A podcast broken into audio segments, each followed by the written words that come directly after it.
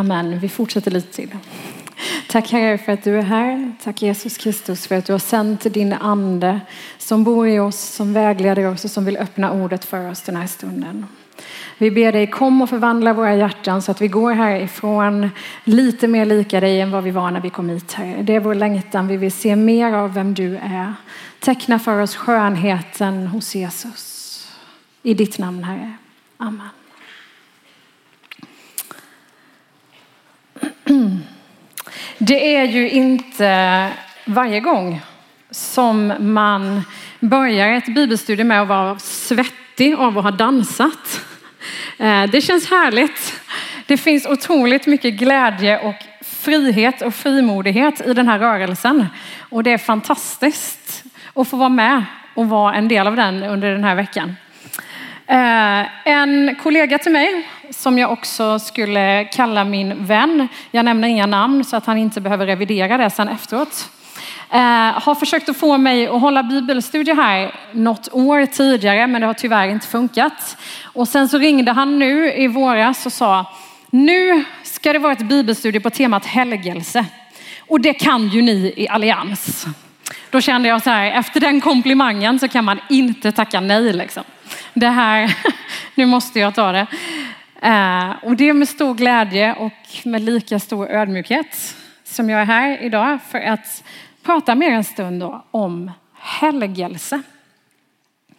Och jag vet inte vad som slås an hos dig när du hör det ordet. Om det är något som slås an överhuvudtaget för den delen. Men som det är med så många andra ord så är det olika för oss alla vad vi känner när vi hör det. För några så är det en glädje. Det är positivt. Det är förknippat med en vacker process i våra liv. Och för andra så kan ordet helgelse faktiskt komma med prestationstyngd och med krav. Men själva ordet helgelse har ju såklart sin ursprung i ordet helig. Och Guds ord lär oss att det finns ingen som är helig utom Gud. Gud är en helig Gud. Och vad innebär det? Det innebär ju en mängd saker. Det innebär, som vi lite förenklat brukar förklara det, att Gud är ren, han är upphöjd, han är avskild. Han kan inte komma nära synden utan att förgöra den. Gud är perfekt, Gud är felfri. Helig, helig, helig är Herren Sebaot. Hela jorden är full av hans härlighet, läser vi. Det finns ingen som är större än Gud. Han håller hela universum i sina händer. Och den Gud som är, han är också den som från dag ett då människan valde att gå sin egen väg har sökt försoning och en väg till gemenskap. Som en del av den vägen fram till gemenskap med människan igen så utväljer Gud ett folk. Och lyssna här vad han säger till sitt folk i tredje Mosebok 20 och 26. Ni ska vara helgade åt mig. Ty jag, Herren, är helig och jag har avskilt er från andra folk för att ni ska tillhöra mig. Frank Mangs, evangelisten och författaren, han skriver så här i sin bok om de heliga samfund. Jag blev en gång intresserad av att få veta vilken benämning Nya Testamentet oftast använder om Guds folk. Varför jag slog upp min bibelkonkordans och började söka. Att jag inte fann någon av de moderna samfundsbildningarnas öknamn och ärenamn var ju ganska naturligt. Metodister, baptister och missionsförbundare omtalas inte i Guds ord. Inte heller lutheraner och pingstvänner. Kanske alliansare, parentes. Men det var andra ting som nästan förvånade mig. De religiösa fann jag inte en enda gång, inte heller de frälsta underligt nog. De kristna fann jag endast några få gånger, Guds barn 15 gånger och de troende 15 gånger. Men de heliga fann jag inte mindre än 60 gånger. Det var underligt. Namn och uttryck som inte alls förekommer i Guds ord brukar vi varje dag, medan vi däremot konsekvent undviker den mest bibliska av alla benämningar på Guds folk. Varför talar vi aldrig om de heliga? Jag tror att Mangs hade kunnat skriva ungefär samma sak idag. Vi använder många ord om vår gemenskap, men min erfarenhet är att vi inte särskilt ofta talar om oss som de heliga. Petrus skriver så här, men ni är ett utvalt släkte, kungar och präster, ett heligt folk. Guds eget folk som ska förkunna hans storverk. Han har kallat er från mörkret till sitt underbara ljus. Ni som förut inte var ett folk är nu Guds folk. Ni som förut inte fann barmhärtighet har nu funnit barmhärtighet. Och i Efesierbrevet 2.8 skriver Paulus, Ty av nåd är ni frälsta genom tron, inte av er själva. Guds gåva är det. Det beror inte på gärningar, ingen ska kunna berömma sig. Vi är hans verk, skapade genom Kristus Jesus till att göra de goda gärningar som Gud från början har bestämt oss till. Det är alltså inte vi, du och jag, som bestämmer om vi vill kalla oss heliga eller inte på ett vis.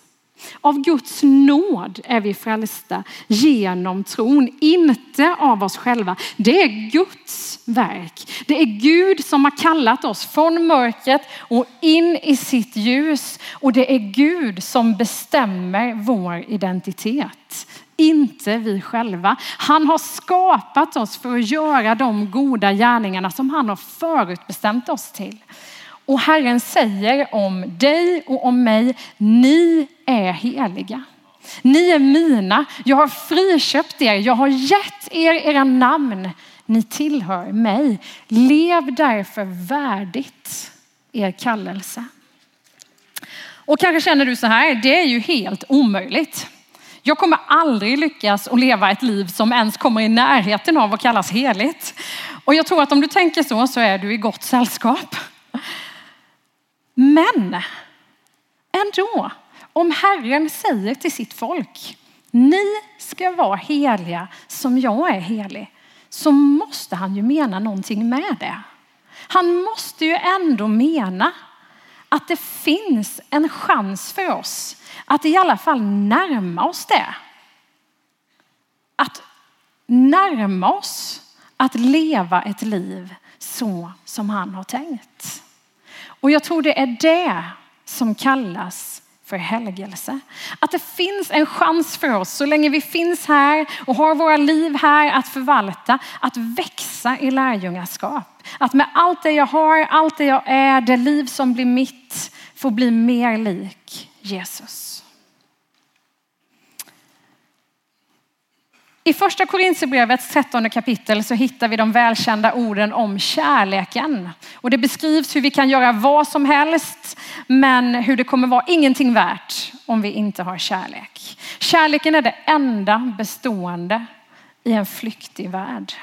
Och i vers 12 i det trettonde kapitlet läser vi så här. Ännu ser vi en gåtfull spegelbild. Då ska vi se ansikte mot ansikte. Ännu är min kunskap begränsad. Då ska den bli fullständig som Guds kunskap om mig. Men nu består tro, hopp och kärlek dessa tre och störst av dem är kärleken. Att helgas tror jag handlar om att få en skarpare blick att få se mer av vem Gud är. Nu ser vi en gåtfull spegelbild. Men ju längre in i efterföljelsen vi kommer, desto klarare, desto skarpare blir bilden. Bilden av vem Gud är och i det också bilden av vem jag själv är. Därför tror jag att vårt främsta uppdrag som Guds heliga det är att vara i Guds närhet för att lära oss mer om vem Gud är. Se mer av vem Jesus är. Och Gud är egentligen inte, tänker jag, primärt intresserad av att vi ska göra rätt handlingar eller leva rätt liv. Han vill förvandla våra hjärtan inte för våra handlingars skull, utan för att han älskar oss och vill vara i vår närhet och vill umgås med oss. Jesus säger till oss, jag kallar er inte längre tjänare, ty en tjänare vet inte vad hans herre gör. Jag kallar er vänner. Därför att jag har låtit er veta allt vad jag har hört av min fader. Jesus längtar efter att vi ska vara i hans närhet, spendera tid med honom så att han kan låta oss veta allt som hans fader har sagt honom. Paulus skriver så här, Anpassa er inte efter denna världen utan låt er förvandlas genom förnyelsen av era tankar så att ni kan avgöra vad som är Guds vilja, det som är gott och behagar honom. Låt er förvandlas och förnyas. Varför? Jo, för att ni ska kunna avgöra vad som är Guds vilja, vad som är gott och vad som behagar honom. Vi kan inte lära oss allt svartvitt. Hur vi ska välja, vad vi ska göra i varje enskild situation. Helgelse är inte att nöta in en tiopunktslista och hitta ett mönster, utan det är att förnyas och förvandlas för att hela tiden kunna se mer och avgöra mer vad som är Guds vilja. Som det uttrycks så vackert i en av våra påsksalmer. Vi tillber inga läror och ingen from idé. Vi är ett folk på vandring i tro på livets Gud. Helgelse handlar om att leva nära Jesus. Att avsätta tid för att bara vara i hans närhet. Att be, att lovprisa, att fira gudstjänst, att låta den helige ande gång på gång fylla på ditt liv. Så att du får bli mer lik Jesus. Du kan aldrig komma undan med att du kan rätt sociala koder eller att du kan snacka kyrkiska liksom. Utan du måste vara i Guds närhet och då behöver du avsätta tid för det. Annars har han ingen chans att på riktigt förvandla ditt hjärta. Kretsordföranden eh, där, där jag arbetar som pastor gick bort här under våren. Och på minnesstunden efter hans begravning så sa hans dotter att en sak som hon har fått med sig under uppväxten, det var att man alltid gick till kyrkan. Var man frisk och hemma så gick man till kyrkan, punkt. Och i flera av talen så framkom just det där. Hur trogen Lalle var sin församling, hur trogen han var gemenskapen. Och när vi i teamet mötte Lalle ett par dagar innan han fick flytta hem till Jesus så var det påtagligt.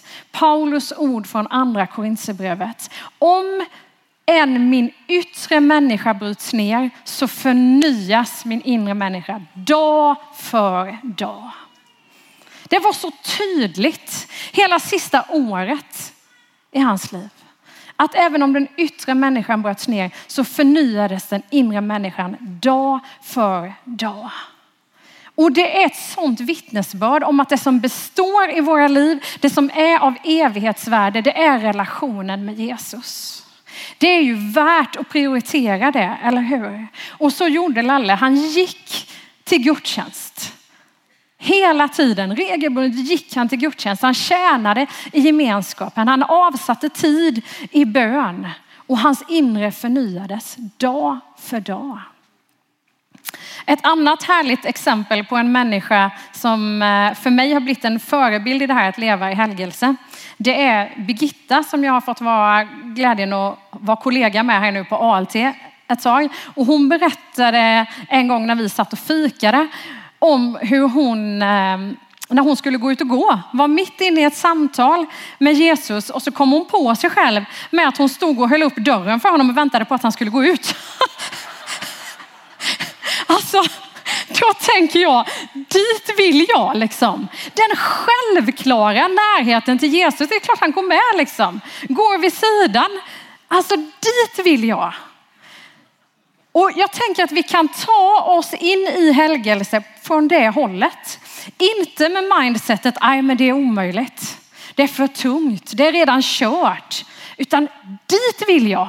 Jag längtar dit. Jag vill ha mer av Jesus. Jag vill bli mer lik Jesus. Och har han sagt att det är möjligt så är det ju det. Nu kör vi. Ja. Låt oss lyssna till några av Jesu ord från Johannes evangeliet. Om världen hatar er, kom då, då ihåg att den har hatat mig före er. Om ni tillhörde världen skulle världen älska er som sina egna. Men nu tillhör ni inte världen utan jag har kallat er ut ur världen och därför hatar världen er. Jag ber för dem.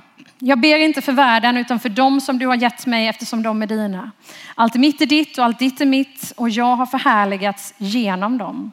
Jag är inte längre kvar i världen men de är kvar i världen och jag kommer till dig. Helige Fader, bevara dem i ditt namn, det som du har gett mig så att de blir ett liksom vi är ett.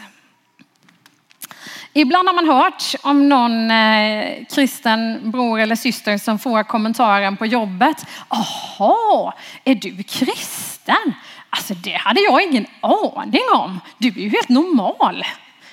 Och då, då blir vi lite nöjda. Då tycker vi att det är gött att folk tycker att vi är lite normala. Vi vill ju helst inte sticka ut. Vi vill ju gärna vara som alla andra. Men sanningen är den att om du inte vill sticka ut, om du vill vara som alla andra, då kanske du ska fundera på om du verkligen ska följa Jesus.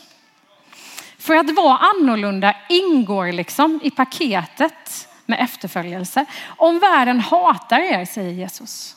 Ni tillhör inte världen utan jag har kallat er ut ur världen. Vi är kallade att vara ett heligt folk. Att lysa som stjärnor i ett fördärvat släkte, säger skriften.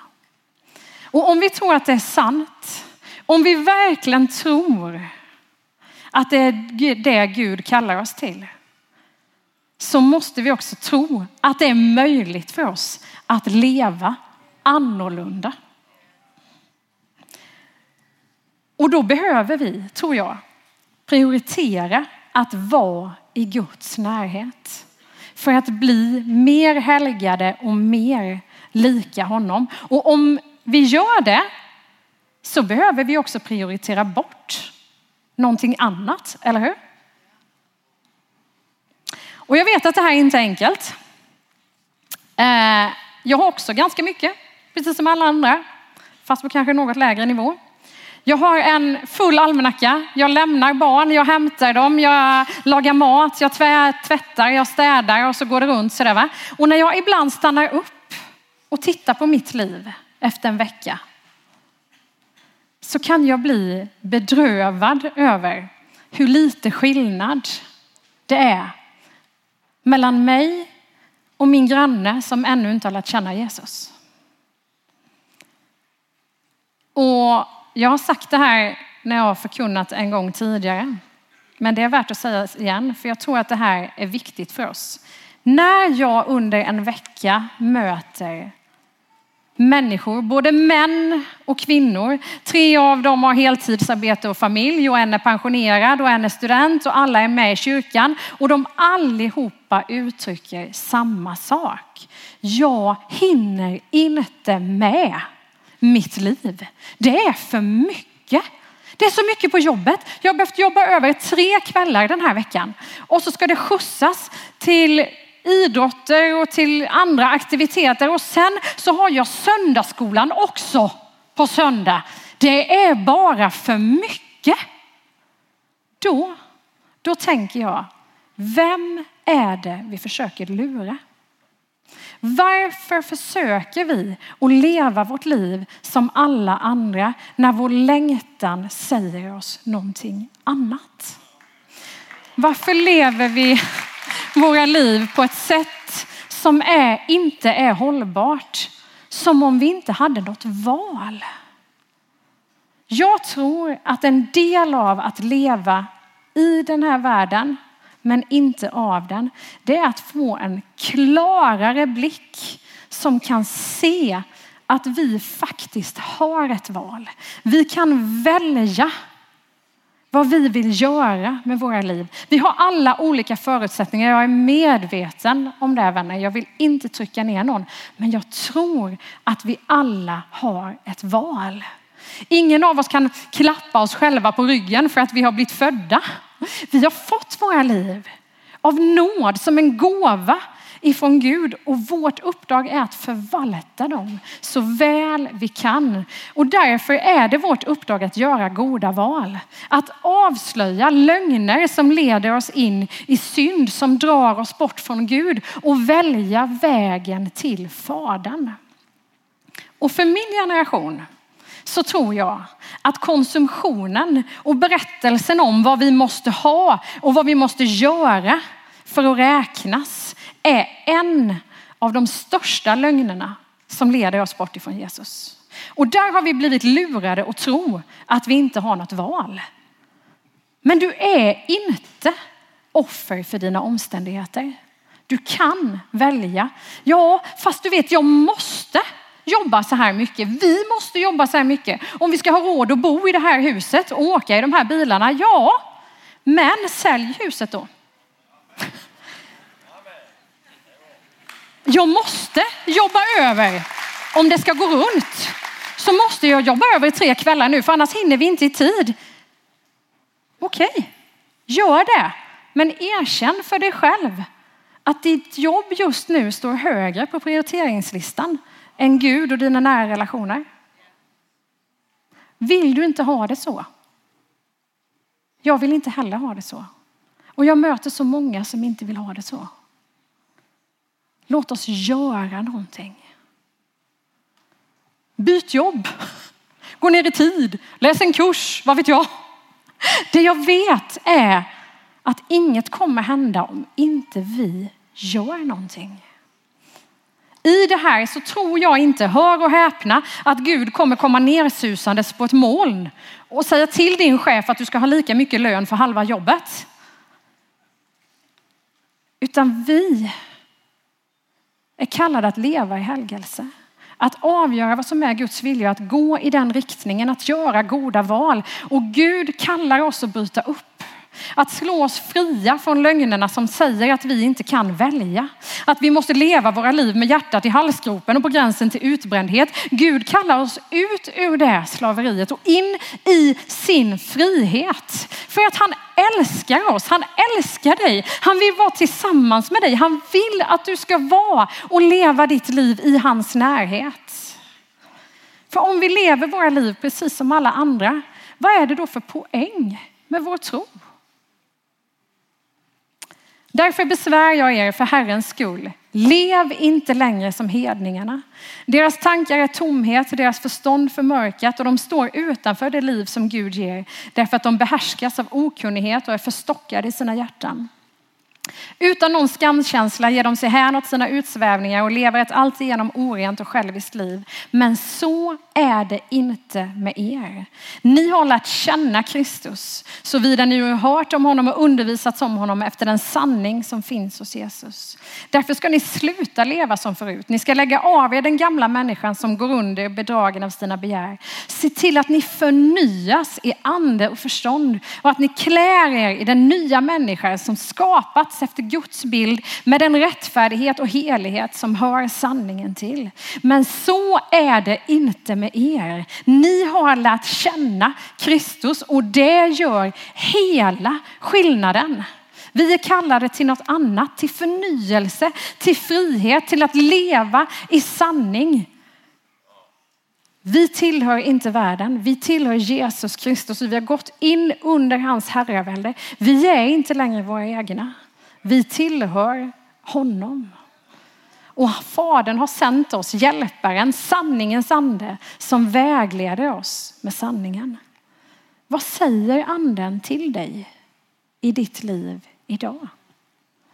Vad viskar han i ditt inre? Låt sanningens ande lysa upp ditt hjärta och visa dig vad du ska göra med dina pengar, med din tid, med dina relationer, med dina ägodelar, med ditt liv.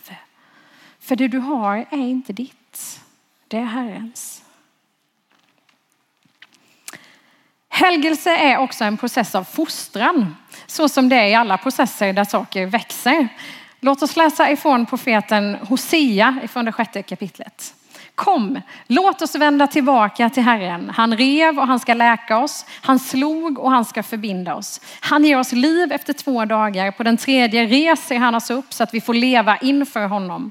Låt oss lära känna honom. Låt oss sträva efter kunskap om Herren. Så visst som gryningen ska han träda fram. Han ska komma till oss som ett regn, ett vårregn som vattnar jorden. Inte helt sällan så studsar vi för de här formuleringarna i gamla testamentet om hur Gud slår och river. Och jag tillhör dem som tror att Gud aldrig sänder någonting ont. Men ibland när Gud bränner bort saker i våra liv som inte ska vara där. När vi tvingas ge upp drömmar som Gud vet är luftslott. När vi får offra saker som vi tror är ovärdeliga. Då kan vår upplevelse av Guds handlande likna det som Hosea skriver. Att han river och kanske till och med slår.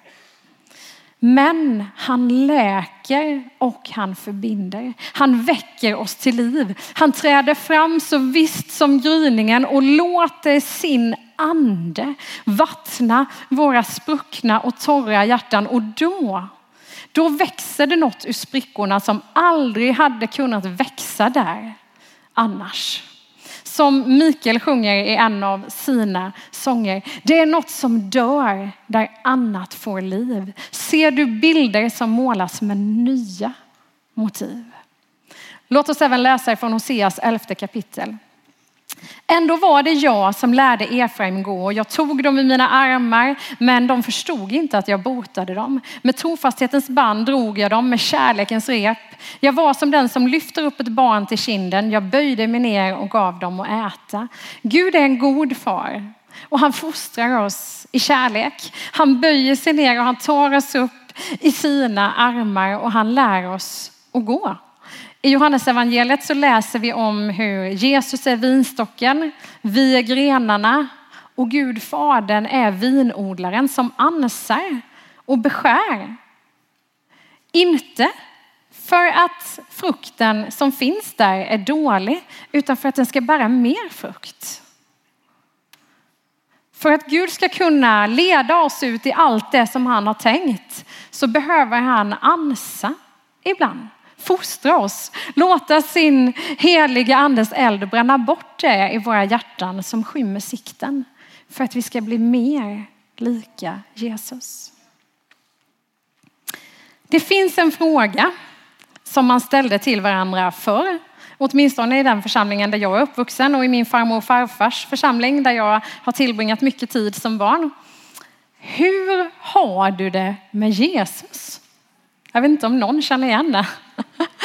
Men jag tänker att det är sorgligt att vi har förlorat den frågan. Vi har liksom slutat i många fall att angå varandra på riktigt. Och jag tror att helgelse också handlar om att återerövra närheten i vår gemenskap. Att ställa frågan, hur har du det med Jesus? Och en viktig del i det tror jag är att bekänna synder för varandra. Jag ljög om en sak hemma för ett tag sedan. Nu, nu döljer Pelle sitt ansikte här. Skulle du verkligen säga det? Tänker du? Eh, för att dölja ett av mina misstag för min man på ett område där jag kämpar och som jag liksom inte orkade ta i. Och då drömde jag sen på natten att jag var fast i ett slutet rum och inte kom därifrån. Och vaknade av att jag sa namnet Jesus högt ut i sovrummet. Och sen dagen efter på ALT så tänkte jag att jag skulle be om förbön för en annan sak av mina studenter. Och då så tänkte jag, nej, det kan jag inte göra. Jag kan inte be om förbön av mina studenter nu. För tänk om någon får ett ord om det här. Att jag ljög hemma igår, att jag bär på oförsoning liksom. Så stolt. Nej, det kan jag inte göra. Och när jag kom hem sen på kvällen så sa jag sanningen till min man. Och han tog emot den som om ingenting hade hänt typ. Eh, ingen större grej tyckte han. Och det ska väl sägas att jag är lite mer drama än vad han är. Men poängen är att vi behöver upp i ljuset med våra brister. Vi behöver bekänna vår synd och vår brustenhet för varandra. Våga be om hjälp på de områden där vi brottas och där vi kämpar. För vi är viktiga för varandras helgelse. Det är ju ingen av oss som är perfekt. Det är ju ingen av oss som inte brottas med något. Vi behöver hjälpa varandra. Och det är ju lättare sagt än gjort. Det är mer som att få i barnen medicin typ. De tycker det är skitäckligt och fattar inte varför de ska äta den smörjan. Men jag vet att det kommer göra dem friska. Och vi kan känna lite så inför syndabekännelsen, om ni förstår den extremt haltande liknelsen. Att, att det tar emot.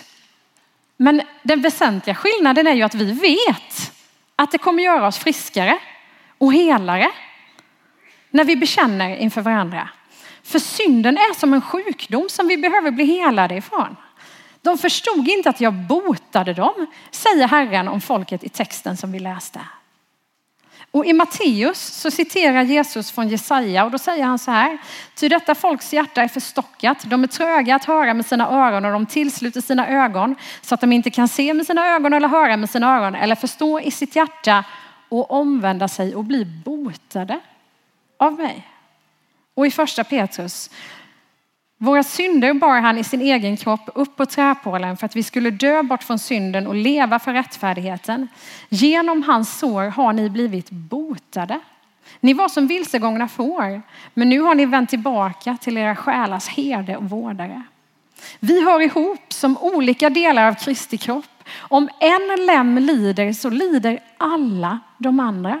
Och därför får vi hjälpa varandra att leva i omvändelse och bli botade av Jesus. Att våga be varandra om hjälp. En annan kollega på ALT berättade om att när de firar nattvard så ställer de alltid en kollektbox där framme och säger ge om du har över, plocka upp om du behöver. Jätteenkelt uttryck för att vi står tillsammans och vi får uppmuntra varandra att leva i rörelse, att inte fastna utan att hela tiden växa i helgelse, växa tillsammans med Herren, gå ut i mer av det som Gud har tänkt för mitt liv. Uppmuntra varandra, välsigna varandra. Vi är viktiga för varandras helgelse. För det finns hela tiden mer. Nya gåvor, nya tjänster och mer glädje och ökat hopp och större kärlek. Till sist så vill jag berätta om när våran minste grabb skulle lära sig att gå. Och han eh, var ivrigt påhejad av sina två storebröder. Och han höll på där liksom och han kom upp lite och han eh, ramlade och höll på så i våran långa hall. Och eh, till slut så hör jag våran äldste säga till honom med tydlig skärpa i rösten. Men Jakob, som Jesus sa, res dig upp och gå.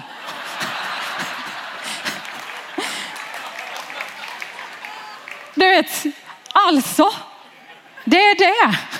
Det är det det handlar om tror jag. Att leva i helgelse är att leva i omvändelse på det sättet. Att resa sig upp och gå. Igen och igen och igen och igen. Och för varje gång vi reser oss upp och går så kommer vi förhoppningsvis några steg längre än vad vi gjorde när vi ramlade sist. Och de perioder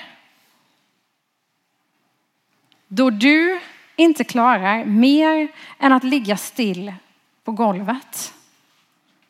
Då finns det helt säkert andra i gemenskapen som kan bära dig framåt. Helgelse är att låta hjärtat slå i takt med Guds hjärta. Att gå i takt med det anden gör. Att röra sig med Guds ande. Att lära sig att lyda och att följa. Amen. Jesus Kristus. Tack för din gode helige andes närvaro i våra liv. Tack för att du gör det möjligt för oss att bli mer och mer lika dig. Att du genom sanningens ande vill uppenbara mer av dig själv och ditt liv i våra liv. Och vi längtar efter mer av dig Jesus. Vi vill bli mer lika dig. Vi vill se mer av vem du är Jesus. Vi vill bli mer helgade. Lär oss att leva i den där processen, att resa oss upp igen och igen och igen och igen och att följa dig. Att inte ha blicken fäst på någonting annat än på dig Herre. Lär oss att prioritera det som du vill att vi ska prioritera. Lär oss att göra goda val. Lär oss att avgöra vad som är din vilja för våra liv, Herre. Och det är svårt, Herre. Det är så svårt i en tid som säger oss så mycket annat. Så ge oss nåd, Herre. Var barmhärtig mot oss. Att vi faller i det hela tiden. Men ge oss också kraften att gå dit du kallar. Att se det du ser. Och att gå ut i allt det som du har tänkt. För det är inte i vår egen kraft utan det är i din kraft Herre. Kraften kommer ifrån dig. Och i den vill vi gå, i den vill vi leva våra liv. I den vill vi stå fasta och rotade Herre. Ge oss mer av din heliga andes kraft i våra liv. Till upprättelse och till helande för oss själva och för människor i våra närhet Herre. Och res upp våra gemenskaper så att vi på riktigt igen börjar angå varandra och ställa frågan hur har du det med Jesus? Att vi får be för varandra, omfamna varandra, bära varandra när det behövs, Herre. Kom, kom mer med ditt liv, Herre. Mer med din ande, mer med din nåd.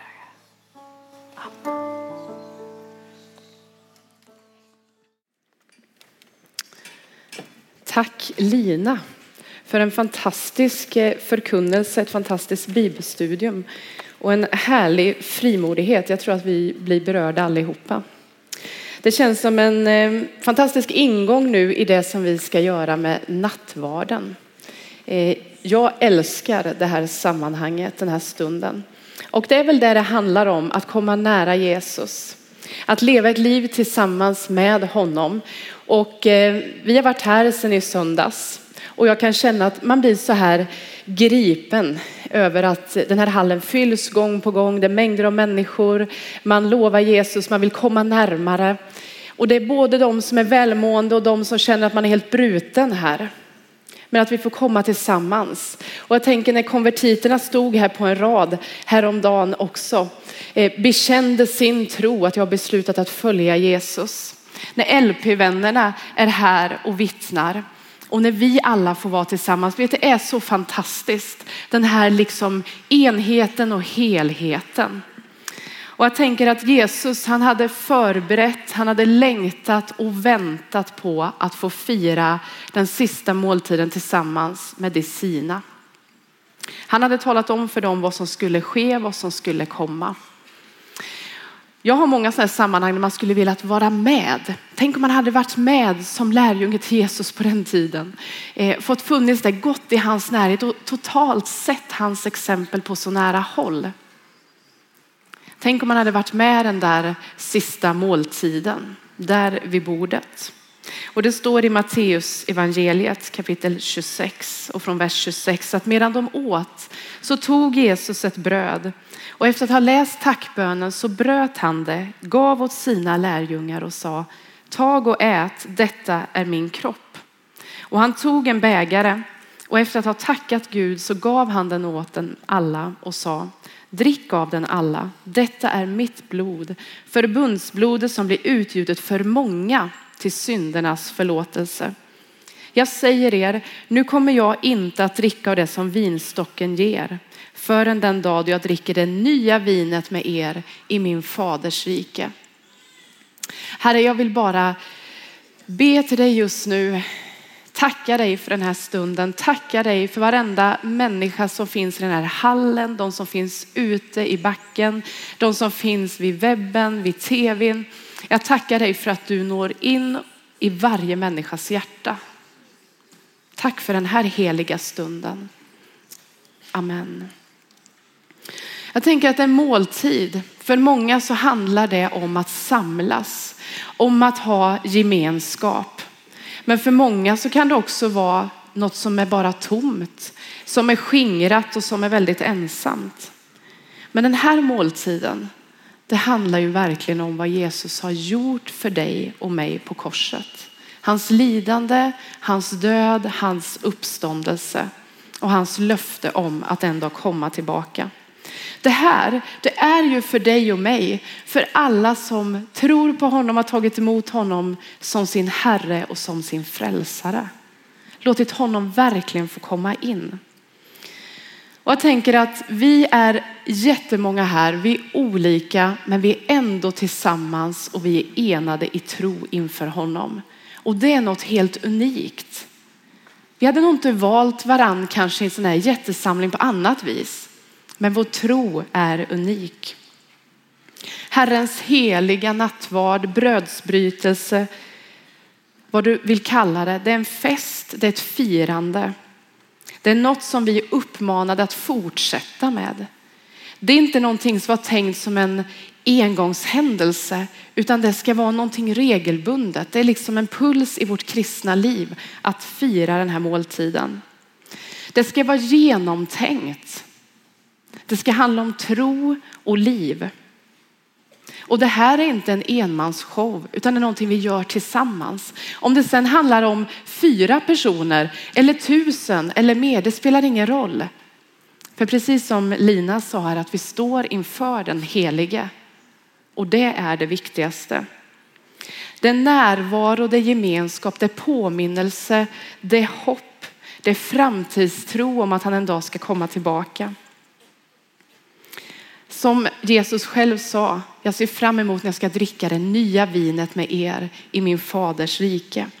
Guds plan för oss. Och jag tänker allt ifrån pingstdagen när anden blev utgjuten. När församlingen föddes och de här grundpelarna blev så tydliga. Att det var viktigt att delta i undervisning. Det var viktigt att hjälpa varann. Det var viktigt att be böner och det var viktigt att dela brödet. Vi har fått en instruktion, en uppmaning. Och vi vet vad den här måltiden påminner oss om för hela den här världens skull. Det är för varje människas skull. Och därför är det ju ett fantastiskt evangelium, ett fantastiskt budskap. Och det här, det har bara gått vidare bland lärjungarna. Det har blivit församlingsbildning, det har blivit vittnen. Och vi ska läsa ifrån första Korinthierbrevet där aposteln Paulus säger så här. Första Korinthierbrevet 11 och 23. Jag har själv tagit emot från Herren det som jag har fört vidare till er. Den natten då Herren Jesus blev förrådd så tog han ett bröd och tackade Gud och bröt det och sa detta är min kropp som offras för er. Gör detta till minne av mig. Likaså tog han bägaren efter måltiden och sa denna bägare är det nya förbundet genom mitt blod. Var gång ni dricker av den så gör det till minne av mig. Var gång ni äter det brödet och dricker den bägaren så förkunnar ni alltså Herrens död till dess han kommer. Den som äter Herrens bröd eller dricker hans bägare på ett ovärdigt sätt har därför syndat mot Herrens kropp och blod.